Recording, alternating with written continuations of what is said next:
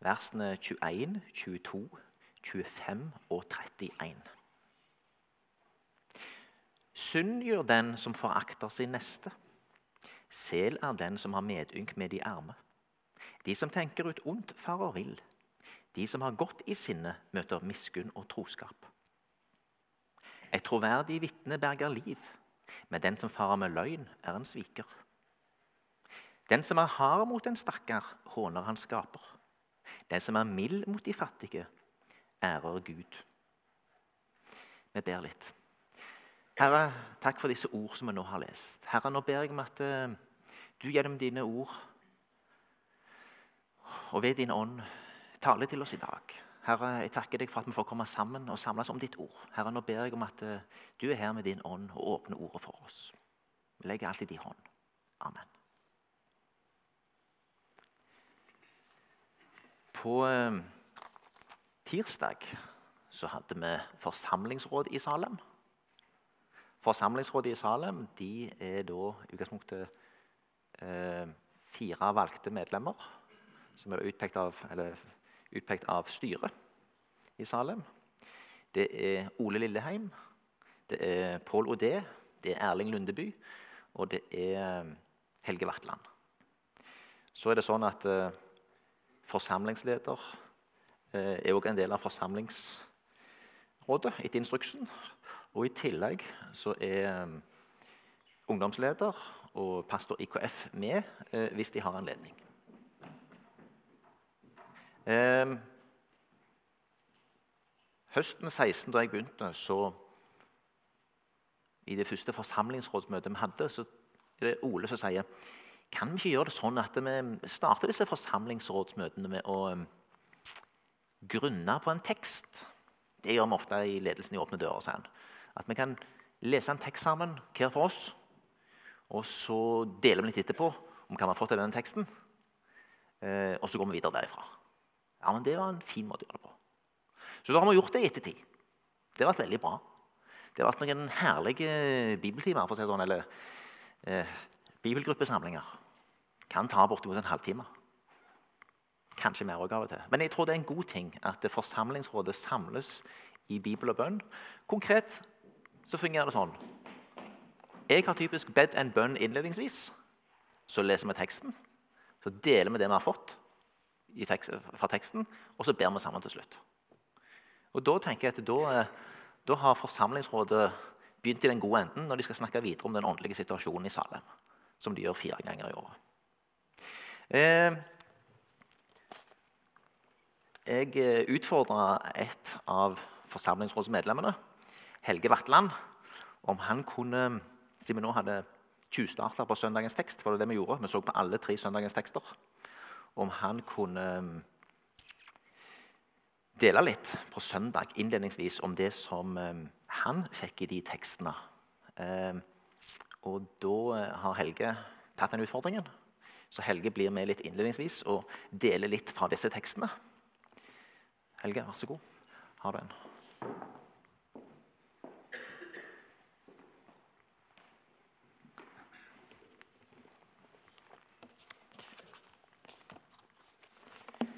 Helge, nå har vi lest tre tekster. Vi har lest tekstene fra Filipperbrevet, vi har lest teksten fra Lukas, og vi har lest det som var preiketeksten fra ordspråkene.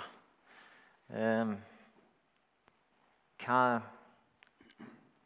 hva har du sett i de tekstene?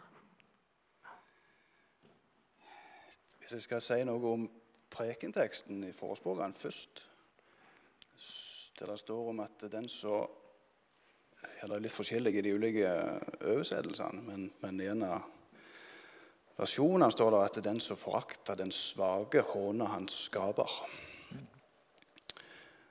Og da eh, har jeg tenkt på noe av det som har skjedd i politikken de siste par ukene. Der eh, jeg tror jeg er dekning for å si at det er første gang på 40 år at myndighetene i Norge har gjort noe for å styrke det ufødte livet sin rettsstilling. Og at dette skjer nå, midt i avkristning og forvirring og alt, er jo ikke noe mindre enn et under. Og takkemne. Um, motstanden er jo voldsomme. Uh, han er så sterk og så stygg at en, en aner at her er det ikke bare menneskelig, men, men det er en åndskamp her. Uh, det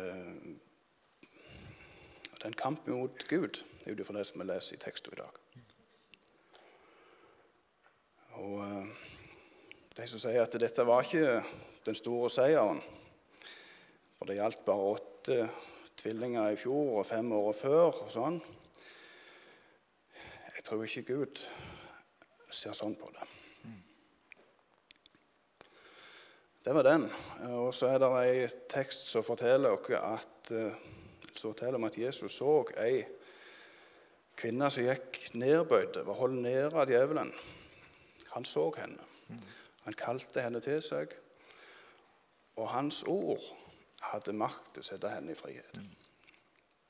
Og Sånn får vi tro at det er fremdeles. Så dette er det vi får lov å være med på. Det, det, dette gjelder hans ord kan ha den virkningen i vårt liv, og det kan ha det for alle andre. Han ser de der de er, enten de ligger i en rennestein eller de er i høye verv og stillinger. Og den tredje teksten Der står det om at uh, at Kristus må begjære ved min kropp, enten jeg skal leve eller dø. Med andre ord hva som skjer ved meg, er ikke hovedsaken. Og det er jo ganske sterkt sagt. Og eh, det er en eh, påminnelse om at eh, Jesus kom ikke for å gjøre det litt for oss. Han kom ikke for å sette oss på ei trone her på jorda eller ause rikdom over oss. eller lede dere på den letteste veien gjennom livet. Men uh, så er det sikkert mange her som kan fortelle, kunne fortalt noe om det. At uh, inni, det som ikke er, inni det som er vanskelig, så kan Hans nåde og omsorg trenge inn. Ja. Um, litt til den formen som vi har der, der vi leser en tekst sammen ber litt og deler det hver enkelt har fått. Nå har du vært med på noen møter. Hvordan, hvordan opplever du det?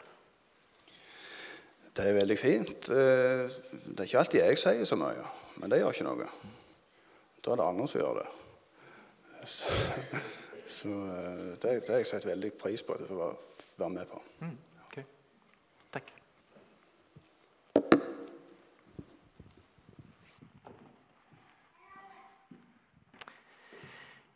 Ja eh, Vi er i kirkeåret nå, i det som heter åpenbaringstiden. Eh, det er jo sånn Vi har hatt jul, vi har hatt Kristi åpenbaringsdag. Og nå er vi i åpenbaringstiden, og den varer da fram til fasten begynner. Og eh, Teksten i den tida de handler om hvem er han, denne Jesus som nå har blitt født inn i verden. Hvem er han?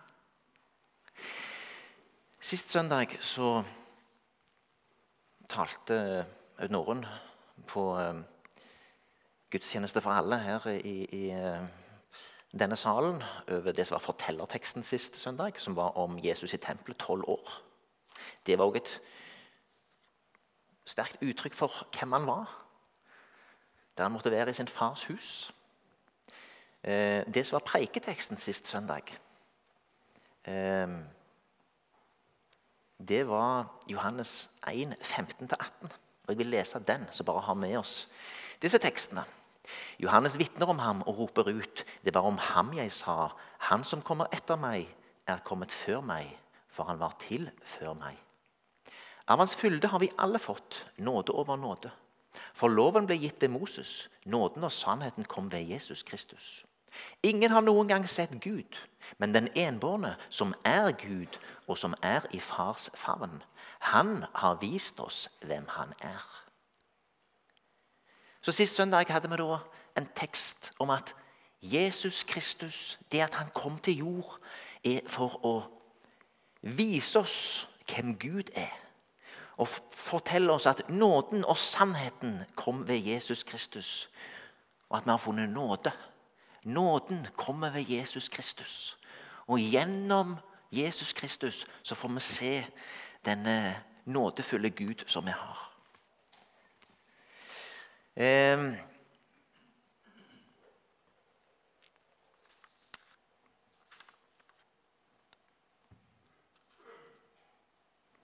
Denne søndagens tekst eh, begynner på ei litt annen side. og Jeg skal komme tilbake til teksten etter hvert. Jeg skal bare ta en, eh, en liten omvei.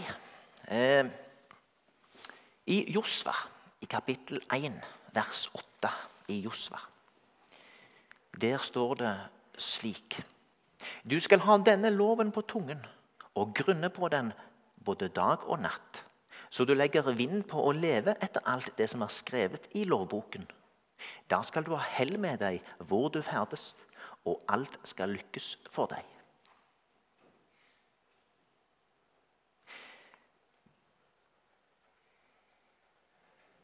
Vi har hatt eh, noen eh, fine uker synes jeg, her i Salem i begynnelsen av dette året. Wenche Lunde er her i uke to har til sammen eh, syv samlinger. Hun eh, formidler ordet til oss med sin rike erfaring og sitt, eh, sine tydelige nådegaver på formidling av ordet. Og gir oss en god start. Videre så har vi onsdager. To påfølgende onsdager. Så har vi da totalt blitt eksponert mot 29 kapittel i Bibelen som vi har lest. 16 kapittel i Romerbrevet og 13 kapittel i Hebreerbrevet. Eh, og det vi da har gjort, tenker jeg, det er noe av det som står i eh, Josva. At dette ordet, denne loven, skal du alltid ha på dine lepper. Ordet er blitt talt. Det er blitt formidla.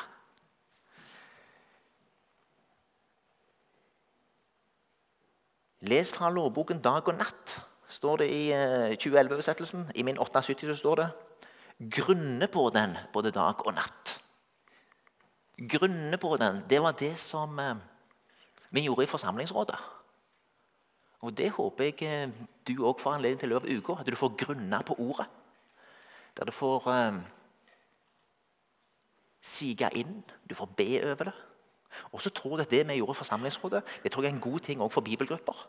Det at vi grunner sammen. Vi funderer og leser teksten. La det være stille en stund. Vi leser teksten hver for oss. Fem-syv minutter eller det tiden tar. Kan be litt igjen, og så deler vi litt. Da tenker jeg at vi oppfyller enda mer av det som står i Josva 1,8. Les fra lovboken dag og natt. Grunna på det. Så um, er det det, da. Så du trofast følger alt det som er skrevet i den. Eller som det står i min oversettelse, så du legger vind på å leve etter alt det som er skrevet i lovboken. Her um, tror jeg kanskje at uh, vi framover trenger å hjelpe hverandre mer enn det en historisk har gjort. Vi har levd i en sammenheng der vi i mange hundre år har hatt eh, godt og gale eh, statskristendom. Vi har hatt eh, veldig mange strukturer som har bygd opp rundt eh, at det å leve etter Bibelens bud og Bibelens lover Det har vært en tett kobling mellom det offentlige og kirka på det området der. Eh, I perioder så har det vært tvungen kirkegang. Men det var òg tvungent at all formidling av Guds ord skulle skje i kirka og ingen andre plass. Først fra 1842 vi får lov til å formidle ordet fritt hvor det måtte være. Så det har vært eh, rare bindinger eh, på mange måter opp gjennom hele veien. Fram til eh, 1911 så er det jo sånn at hvis du ikke står til konfirmasjon, hvis du ikke kan din pontoppidan, eller det som ellers måtte blitt utlagt, de 750 spørsmål og svar Hvis du ikke kan det, så, så får du ikke gifte deg. Du blir egentlig ikke skikkelig myndig. Det gjorde at det, i det norske folk så har det vært um, mange ting som har holdt oss på sporet i forhold til å kunne leve ut Bibelens budskap. Det, så, det preget oss så enormt sterkt. For vi hadde et samfunn som hadde vaner knytta til dette. Så har vi nå i en lang periode Han har nok pågått særdeles lenge. Hvor lenge kan vi jo ha delte meninger om. Pietistene de, de eh, som, eh, som eh, var glad for at Kirka hadde kontroll over skolen. De var lei seg i 1868. De lurte på hvordan det skulle gå med landet vårt. For skolen skulle ikke lenger være direkte underlagt Kirka. Det kom eh, skolestyrer. Det kom eh, ja, en mer da, sekulær overbygning på skolen. Men kristendomsfaget var fram til 1968, fram til jeg var ett år, så var det kirka sitt fag i skolen. Presten var ofte leder av skolestyret. Så alle dere som er her, som er født fram til 1950 Dere har fått leve ut den modellen der det er veldig tydelig i Norge var sånn at kristendomsundervisning, bibelhistorie. Det var en del av en trosopplæringspakke som kulminerte med konfirmasjon. Etter 1968 så dette endra seg. Det som vi da tror vi kunne si som kristenfolk, det er at vi på ene sida har vært lei oss for utviklingen. Og så har vi prøvd å holde på noen stabbesteiner. Men jeg tror vi ikke fullt ut har tatt det inn over oss at det at mange av disse trospraksisene som før var statsfinansierte, som før var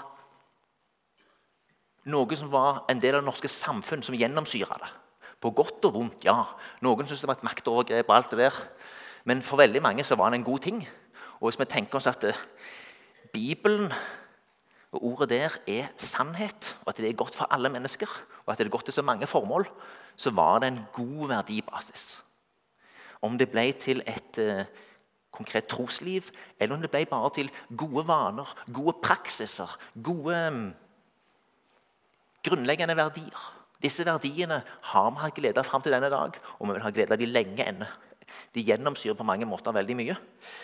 Um, selv om det er en stadig økende forvirring om de, hvor de egentlig kommer fra. Det som er utfordringen for oss kristne i dag, det er at vi ennå av og til har en del bilder av at vi får litt hjelp fra storsamfunnet eller skolen eller noe annet. At vi på en eller annen måte bærer med oss noen vaner om at vi kan tenke sånn. Men det kan vi i liten grad. I liten grad kan vi det framover. For mange av disse her tingene feider litt ut. Det jeg tror vi trenger mer hjelp til framover, det er at vi som fellesskap hjelper hverandre i det som går på så du trofast følger alt det som er skrevet i den, eller som det står hos meg, så du legger vind på å leve etter alt det som er skrevet i lovboken. Vi trenger hjelp til å praktisere for hverandre. Legge til rette for gode praksiser om hvordan vi lever ut det som står der. For på ene sida så er det sant at det er nåden som gjelder. At du får hvile i den. At du ikke kan gjøre noe for å bygge på ditt eget frelsesverk. At du ikke kan gjøre noen ting for å nærme deg Gud på egen hånd. Det, det er det kun Jesus Kristus som uh, kan rydde opp i, og det er kun å ta til seg Han som kan hjelpe i det. Samtidig så er det litt slik at hvis du ikke på andre sida får tatt på deg arbeidshanskene og la det bli et liv, en vandring ved Den hellige ånd, et liv der du får være med på uh, det som eh, Gud vil ha deg med på, så kan det bli en veldig ørkenvandring. Det kan bli en veldig veldig teoretisk kristendom. Og jeg tror Der står vi særlig i forhold til våre ungdommer og våre barn. At vi inviterer dem inn i en teori som ikke blir et liv. Men der tror jeg vi trenger fellesskap som i større grad hjelper til at teorien blir liv, at teorien blir praksiser, at teorien blir eh, noe som eh, er sant og ærlig og fungerer i hverdagen. Jeg kan forstå bare ta ned den teksten nå. Bare ta den vekk. Eh, Gå derfor ut og gjør alle folkeslag til mine Hva er det vi sier? Noen som tar seg det? Læresveiner, disipler. Jeg snakket med en en dag som bekrefta veldig noe som jeg nettopp hadde lest i en bok. som jeg mulig skal trekke frem her etterpå. Han er sjøl håndverker. Han vet hva det vil si å være lærling. Og vi snakket litt om disse tingene. For um, han òg var opptatt av at vi må kunne hjelpe hverandre. Og så sa jeg kan hende vi i framtida skal begynne å snakke mer om gå derfor ut og gjør alle folkeslag til mine lærlinger. Vi er jo på en livslang lærlingekontrakt med Jesus. Når vi ser i Bibelen hva de første disiplene var jo to, vet du. Andreas og Johannes. De er jo disipler for døperen Johannes. Og så endrer jo ting seg litt. Han skal vokse, jeg skal avta, sier døperen Johannes. Det er en ny nå som kommer på banen. Eh, og da er det litt sånn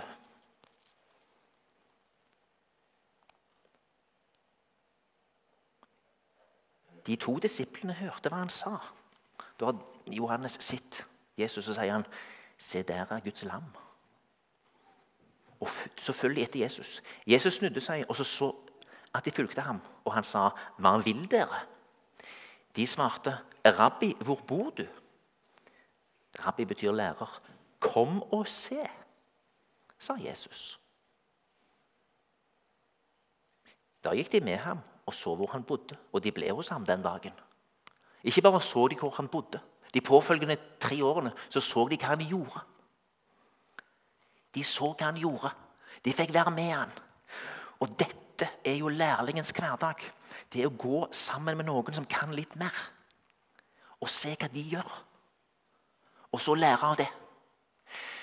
Og her tror jeg vi trenger framover å utvikle øvingsarenaer.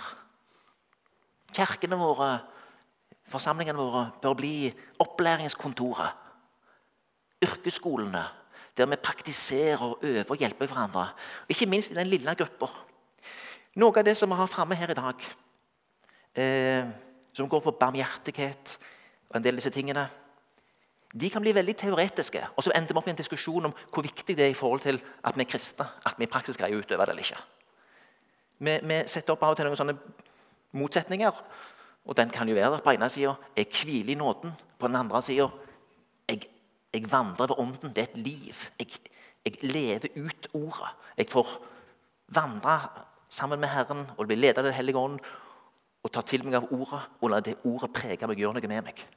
Men det jeg tror vi trenger, vi trenger hjelp til. Vi må hjelpe hverandre i fellesskapene med at dette ordet må kunne bli levende. At det treffer oss og rammer oss på en måte som gjør at det blir til liv. Um, ja.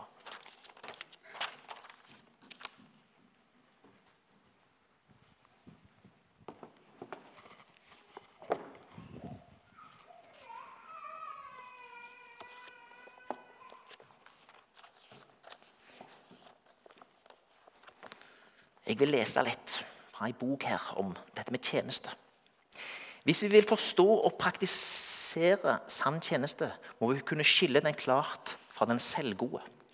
Den selvgode tjenesten bygger på menneskelig anstrengelse. Man bruker masse energi på å planlegge og beregne hvordan tjenesten skal utføres. Sosiologiske oversikter og undersøkelser skaffes til veie for at vi skulle kunne hjelpe disse menneskene. Sann tjeneste springer derimot fram av vårt hjerteforhold til Herren. Vi kjenner en forsiktig innskytelse, en guddommelig trang til å tjene. Det brukes selvfølgelig energi, men ikke på kjødets eller den menneskelige naturs krampaktige måte. Thomas Kelly skriver jeg har oppdaget at han aldri leder oss ut i en uutholdelig og heseblesende aktivisme. Dette tror jeg er veldig viktig. Når vi i storfellesskapene begynner å snakke om at vi skal bevege oss og gjøre ting, så kan vi veldig fort ende i en sånn dårlig samvittighetsprosjekt. Ja, nå har vi det tiltaket. Uh, satte seg i magen med en gang. Hvilke strategier skal jeg uh, utvikle for å komme meg langt vekk fra det? Det høres ut som et megaslit. Jeg trodde ikke denne forsamlingen var sånn. Jeg trodde her formidles den frie nåden. Hjelp, jeg har blitt lurt. Uh, jeg tror det er veldig viktig at vi må få hvile i nåden og aldri noen gang lure på hvor vår frelse kommer fra. Den kommer fra et fullbrakt frelsesverk. Den kommer fra Jesus Kristus og han alene. Og Vi får se dette ved at Den hellige ånd åpenbarer det for oss.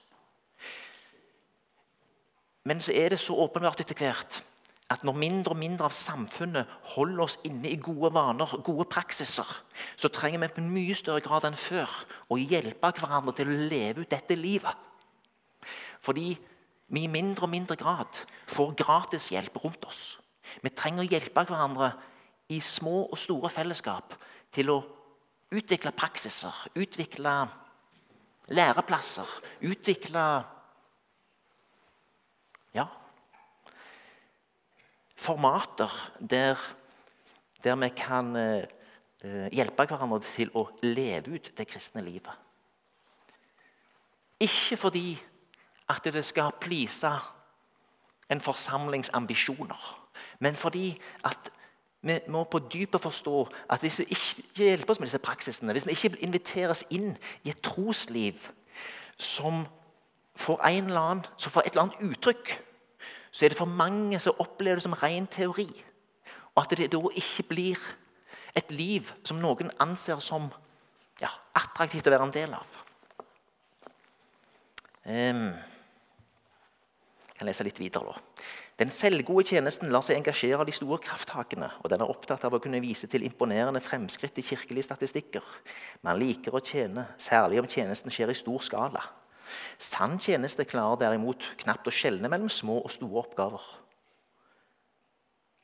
Når forskjellen merkes, er de sanne tjenere ofte tiltrukket av den lille tjenesten. Ikke pga. falsk beskjedenhet, men fordi de oppriktig ser på den som viktigst. De tar imot alle muligheter til å tjene uten å gjøre forskjell på dem. Den selvgode tjenesten krever ytre tegn på anerkjennelse. Man trenger å vite at folk ser og setter pris på anstrengelsen. Applaus tar man gjerne imot, med en passende religiøs beskjedenhet. selvfølgelig. Sann tjeneste er fornøyd i det skjulte. Man er ikke redd for oppmerksomhetens lys og stråler, men man søker det heller ikke. Med en helt ny referanseramme er det fullstendig nok med Guds anerkjennende blikk. Den selvgode tjenesten er opptatt av resultater. Man venter med iver på at den som blir hjulpet, skal gi en passende respons. Og man blir bitter når den ikke innfrir forventningene. Den sanne tjenesten er ikke opptatt av å beregne resultater. Man gleder seg bare over å få tjene, og kan like gjerne tjene fiender som venner. Den selvgode tjenesten velger å vrake blant det, hvem den skal tjene. Noen ganger er det de høye og mektige, for de vil kunne gi visse fordeler. Andre ganger er det de små og forslagsløse, fordi det forsterker inntrykket av at man er ydmyk. Sann tjeneste gjør derimot ikke forskjell på folk. Man har tatt til seg Jesu befaling om å være tjener for alle.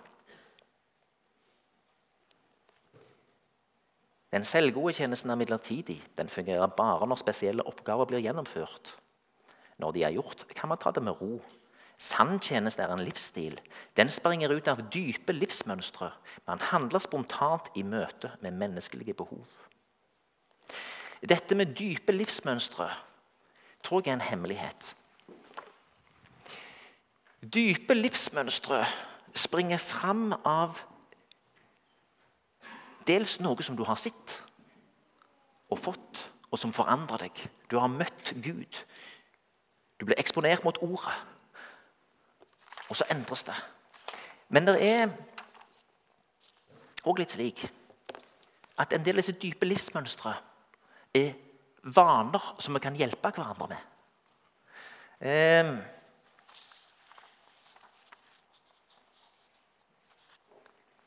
nå har jeg lest ei bok nylig som jeg kjenner jeg er inspirert av. Den boka heter 'Kunsten å forme livet'. Plastisk teologi. Stian Kilde Aarebrot. Eh, som en fyr som ikke er fullstendig overbevist om at Gud har eh, eh, skapt gjennom evolusjon over mange eh, millioner år.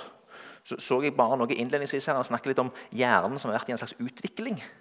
Jeg tenker Noen av oss fra vårt miljø kan reagere på det. Men unntatt den biten der, har jeg vaksinert dere mot det, så er dette en fantastisk bok. Eh, den er det mange av her ute. Jeg tror ei som ligger der, jeg har noen på kontoret. Jeg tror det koster 350 kroner. Eh, vips til eh, hun som eh, driver den bokhandelen bak der. Hvis dere vil eh, kjøpe den boka. Eh, jeg anbefaler den. Den er veldig mye om dette som vi snakker om nå, om trospraksis. han sier noe fint her. Helt siden kirketidens morgen har lek og lærd forsøkt å finne rett balanse mellom å snakke om en nådefull Gud og å peke på det vi bør og ikke bør gjøre. Ofte har det endt i den ene eller den andre grøfta. For noen tiår siden var det spesielt i lavkirkelige miljøer mye snakk om bud og regler. Om alt fra hvordan man skulle gå kledd til dans og kortspill var synd. I enkelte menigheter ble hevdet at styggen sjøl bodde i trommesettet. Fremdeles går mange rundt og kjenner på at de aldri er helt gode nok kristne. De siste par tiårene har pendelen snudd. Og nå er utfordringen at mange har skjenet over den andre grøftekanten.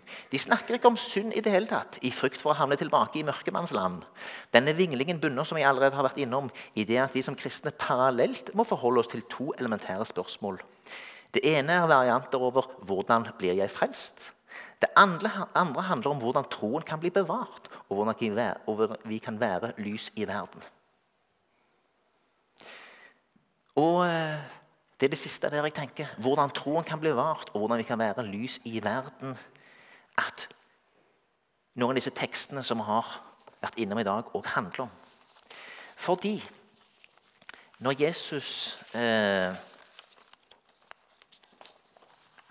møter kvinner i synagogen så ser vi at Jesus han har åpenbart seg for oss. Ikke bare for å vise oss nåden, som vi ble påminnet sist søndag, men også for å gi oss et eksempel hva som er vårt kall. Fordi han har vist oss en vei og lærer dem å holde alt det jeg har befalt dere. Og han befalte ikke bare gjennom det han sa. Han pekte på en vei gjennom det han gjorde. Og Her tror jeg vi trenger å åpne opp for et godt, positivt språk som er sånn som dette. Gjennom å se hva Jesus gjorde, gjennom å se hvem han var, så kan vi bli det han har kalt oss til å være. Vi kan være lys og salt. Og gjennom det så styrker vi troen. Med erfare at troen holder. Vi viser for våre omgivelser, våre venner, våre barn, våre familieforbindelser for øvrig, at dette gjør en forskjell i våre liv. Og dette er det verdt å leve for. Det viser seg at det er de mest signifikante forskjellene eh, med hensyn til om barn arver troen eller ikke etter sine foreldre. Det er om barna ser at troen gjør en forskjell i foreldrenes liv. Og Da tror jeg at vi sjøl blir påvirka, enten vi er foreldre eller ikke foreldre. Vi er uansett forbilder. At vi sjøl er påvirka av Kristus, har veldig mye å si i forhold til eh, eh, hva vi kan være som vitner. Én ting er det å vite at du sjøl har møtt en nådig Gud. En annen ting er å kunne leve det ut gjennom praksiser som trekkes andre mot Kristus, og som på ulikt vis eh, blir vitnesbyrd, og som på ulikt vis styrker vår tro. Synd gjør den som forakter sin neste. Sel av den som har medynk med de arme. Den som er hard mot en stakkar, håner all skaper. Den som er mild mot de fattige, ærer Gud. Denne teksten er glimrende utgangspunkt for noe av det som Stian Kilde Aarbrot anbefaler. Han har noe som han kaller for en Jesus dojo. En dojo er altså et øvingslokale for diverse sånne japanske kampsporter. Og da er det sånn, Du kommer dit, og da øver du på uh, visse ting for å bli bedre i denne kampsporten. Denne teksten som er foran oss her, kan egne seg ypperlig for en samtale som dette. Hmm. Hva vil i praksis si for meg i mitt liv eller oss i vårt liv å ha medynk med de arme? Eller mild mot de fattige? Så snakker vi litt om det, og så ber vi litt over det. Og så utformer vi hverandre på, som han gjør i boka si, på Gud, vis oss dette. Eh, jeg sier også, Vi utfordrer hverandre på de neste to ukene og helt praktisk finne noen konkrete veier for å vise barmhjertighet mot andre. Og ha medynk med en stakkar. Og være mild mot de fattige. Og Her tror jeg vi trenger fellesskapet som han jeg snakket med tidligere uke sa dette greier vi ikke helt alene. Det er så mye lettere hvis vi står sammen. Så jeg ønsker at vi kan bygge fellesskap der vi kan stå sammen om denne type praksiser. Til Jesus sitt eksempel. Den krumbøyde kvinnen. Ja, hun var nok besatt, dypest sett. En sykdomsånd står hos meg, en vannmaktsånd står det i andre bibler. Helt krumbøyd og kunne ikke rette seg opp.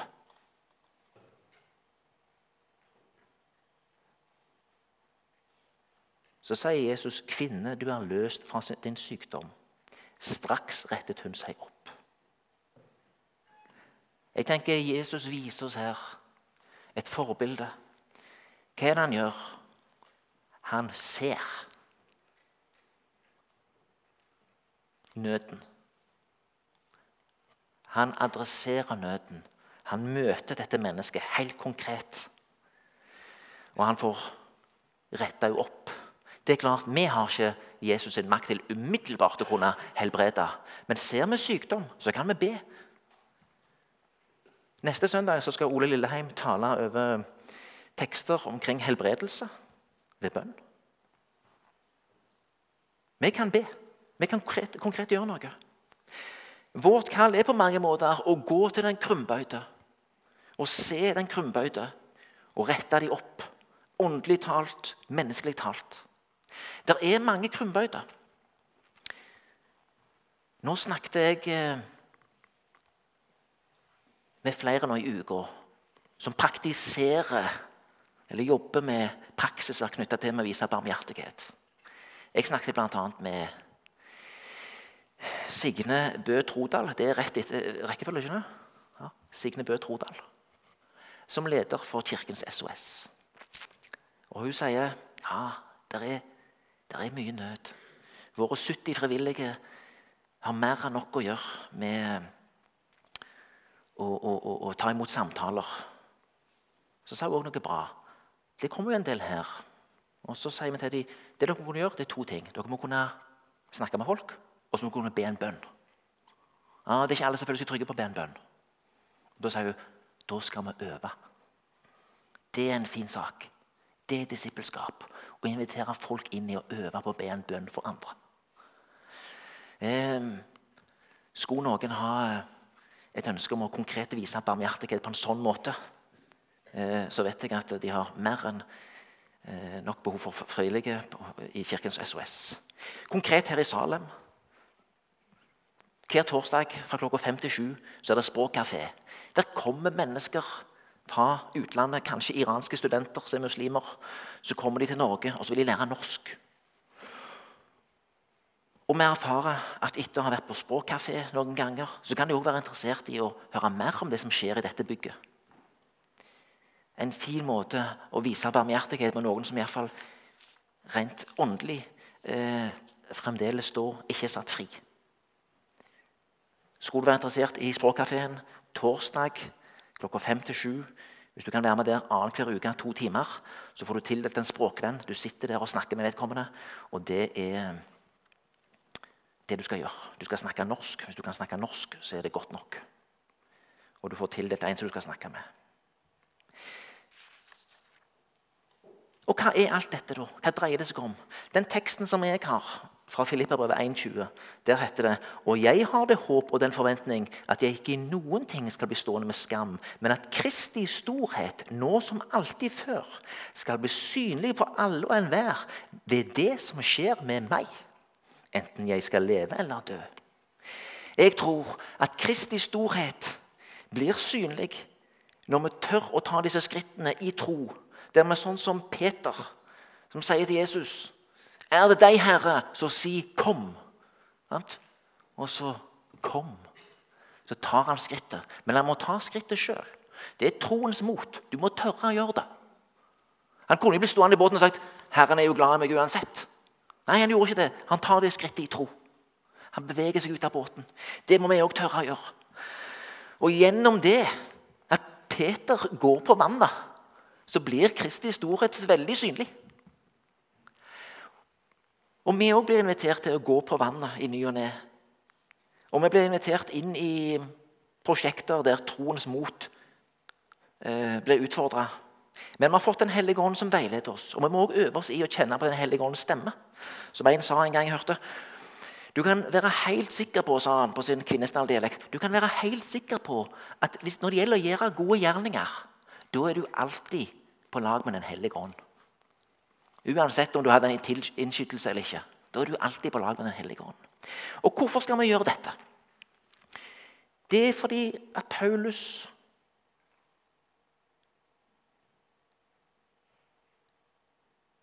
Det, det som Paulus her også eh, eh, har sett Kristi storhet skal bli synlig for alle ved våre liv og ved våre praksiser.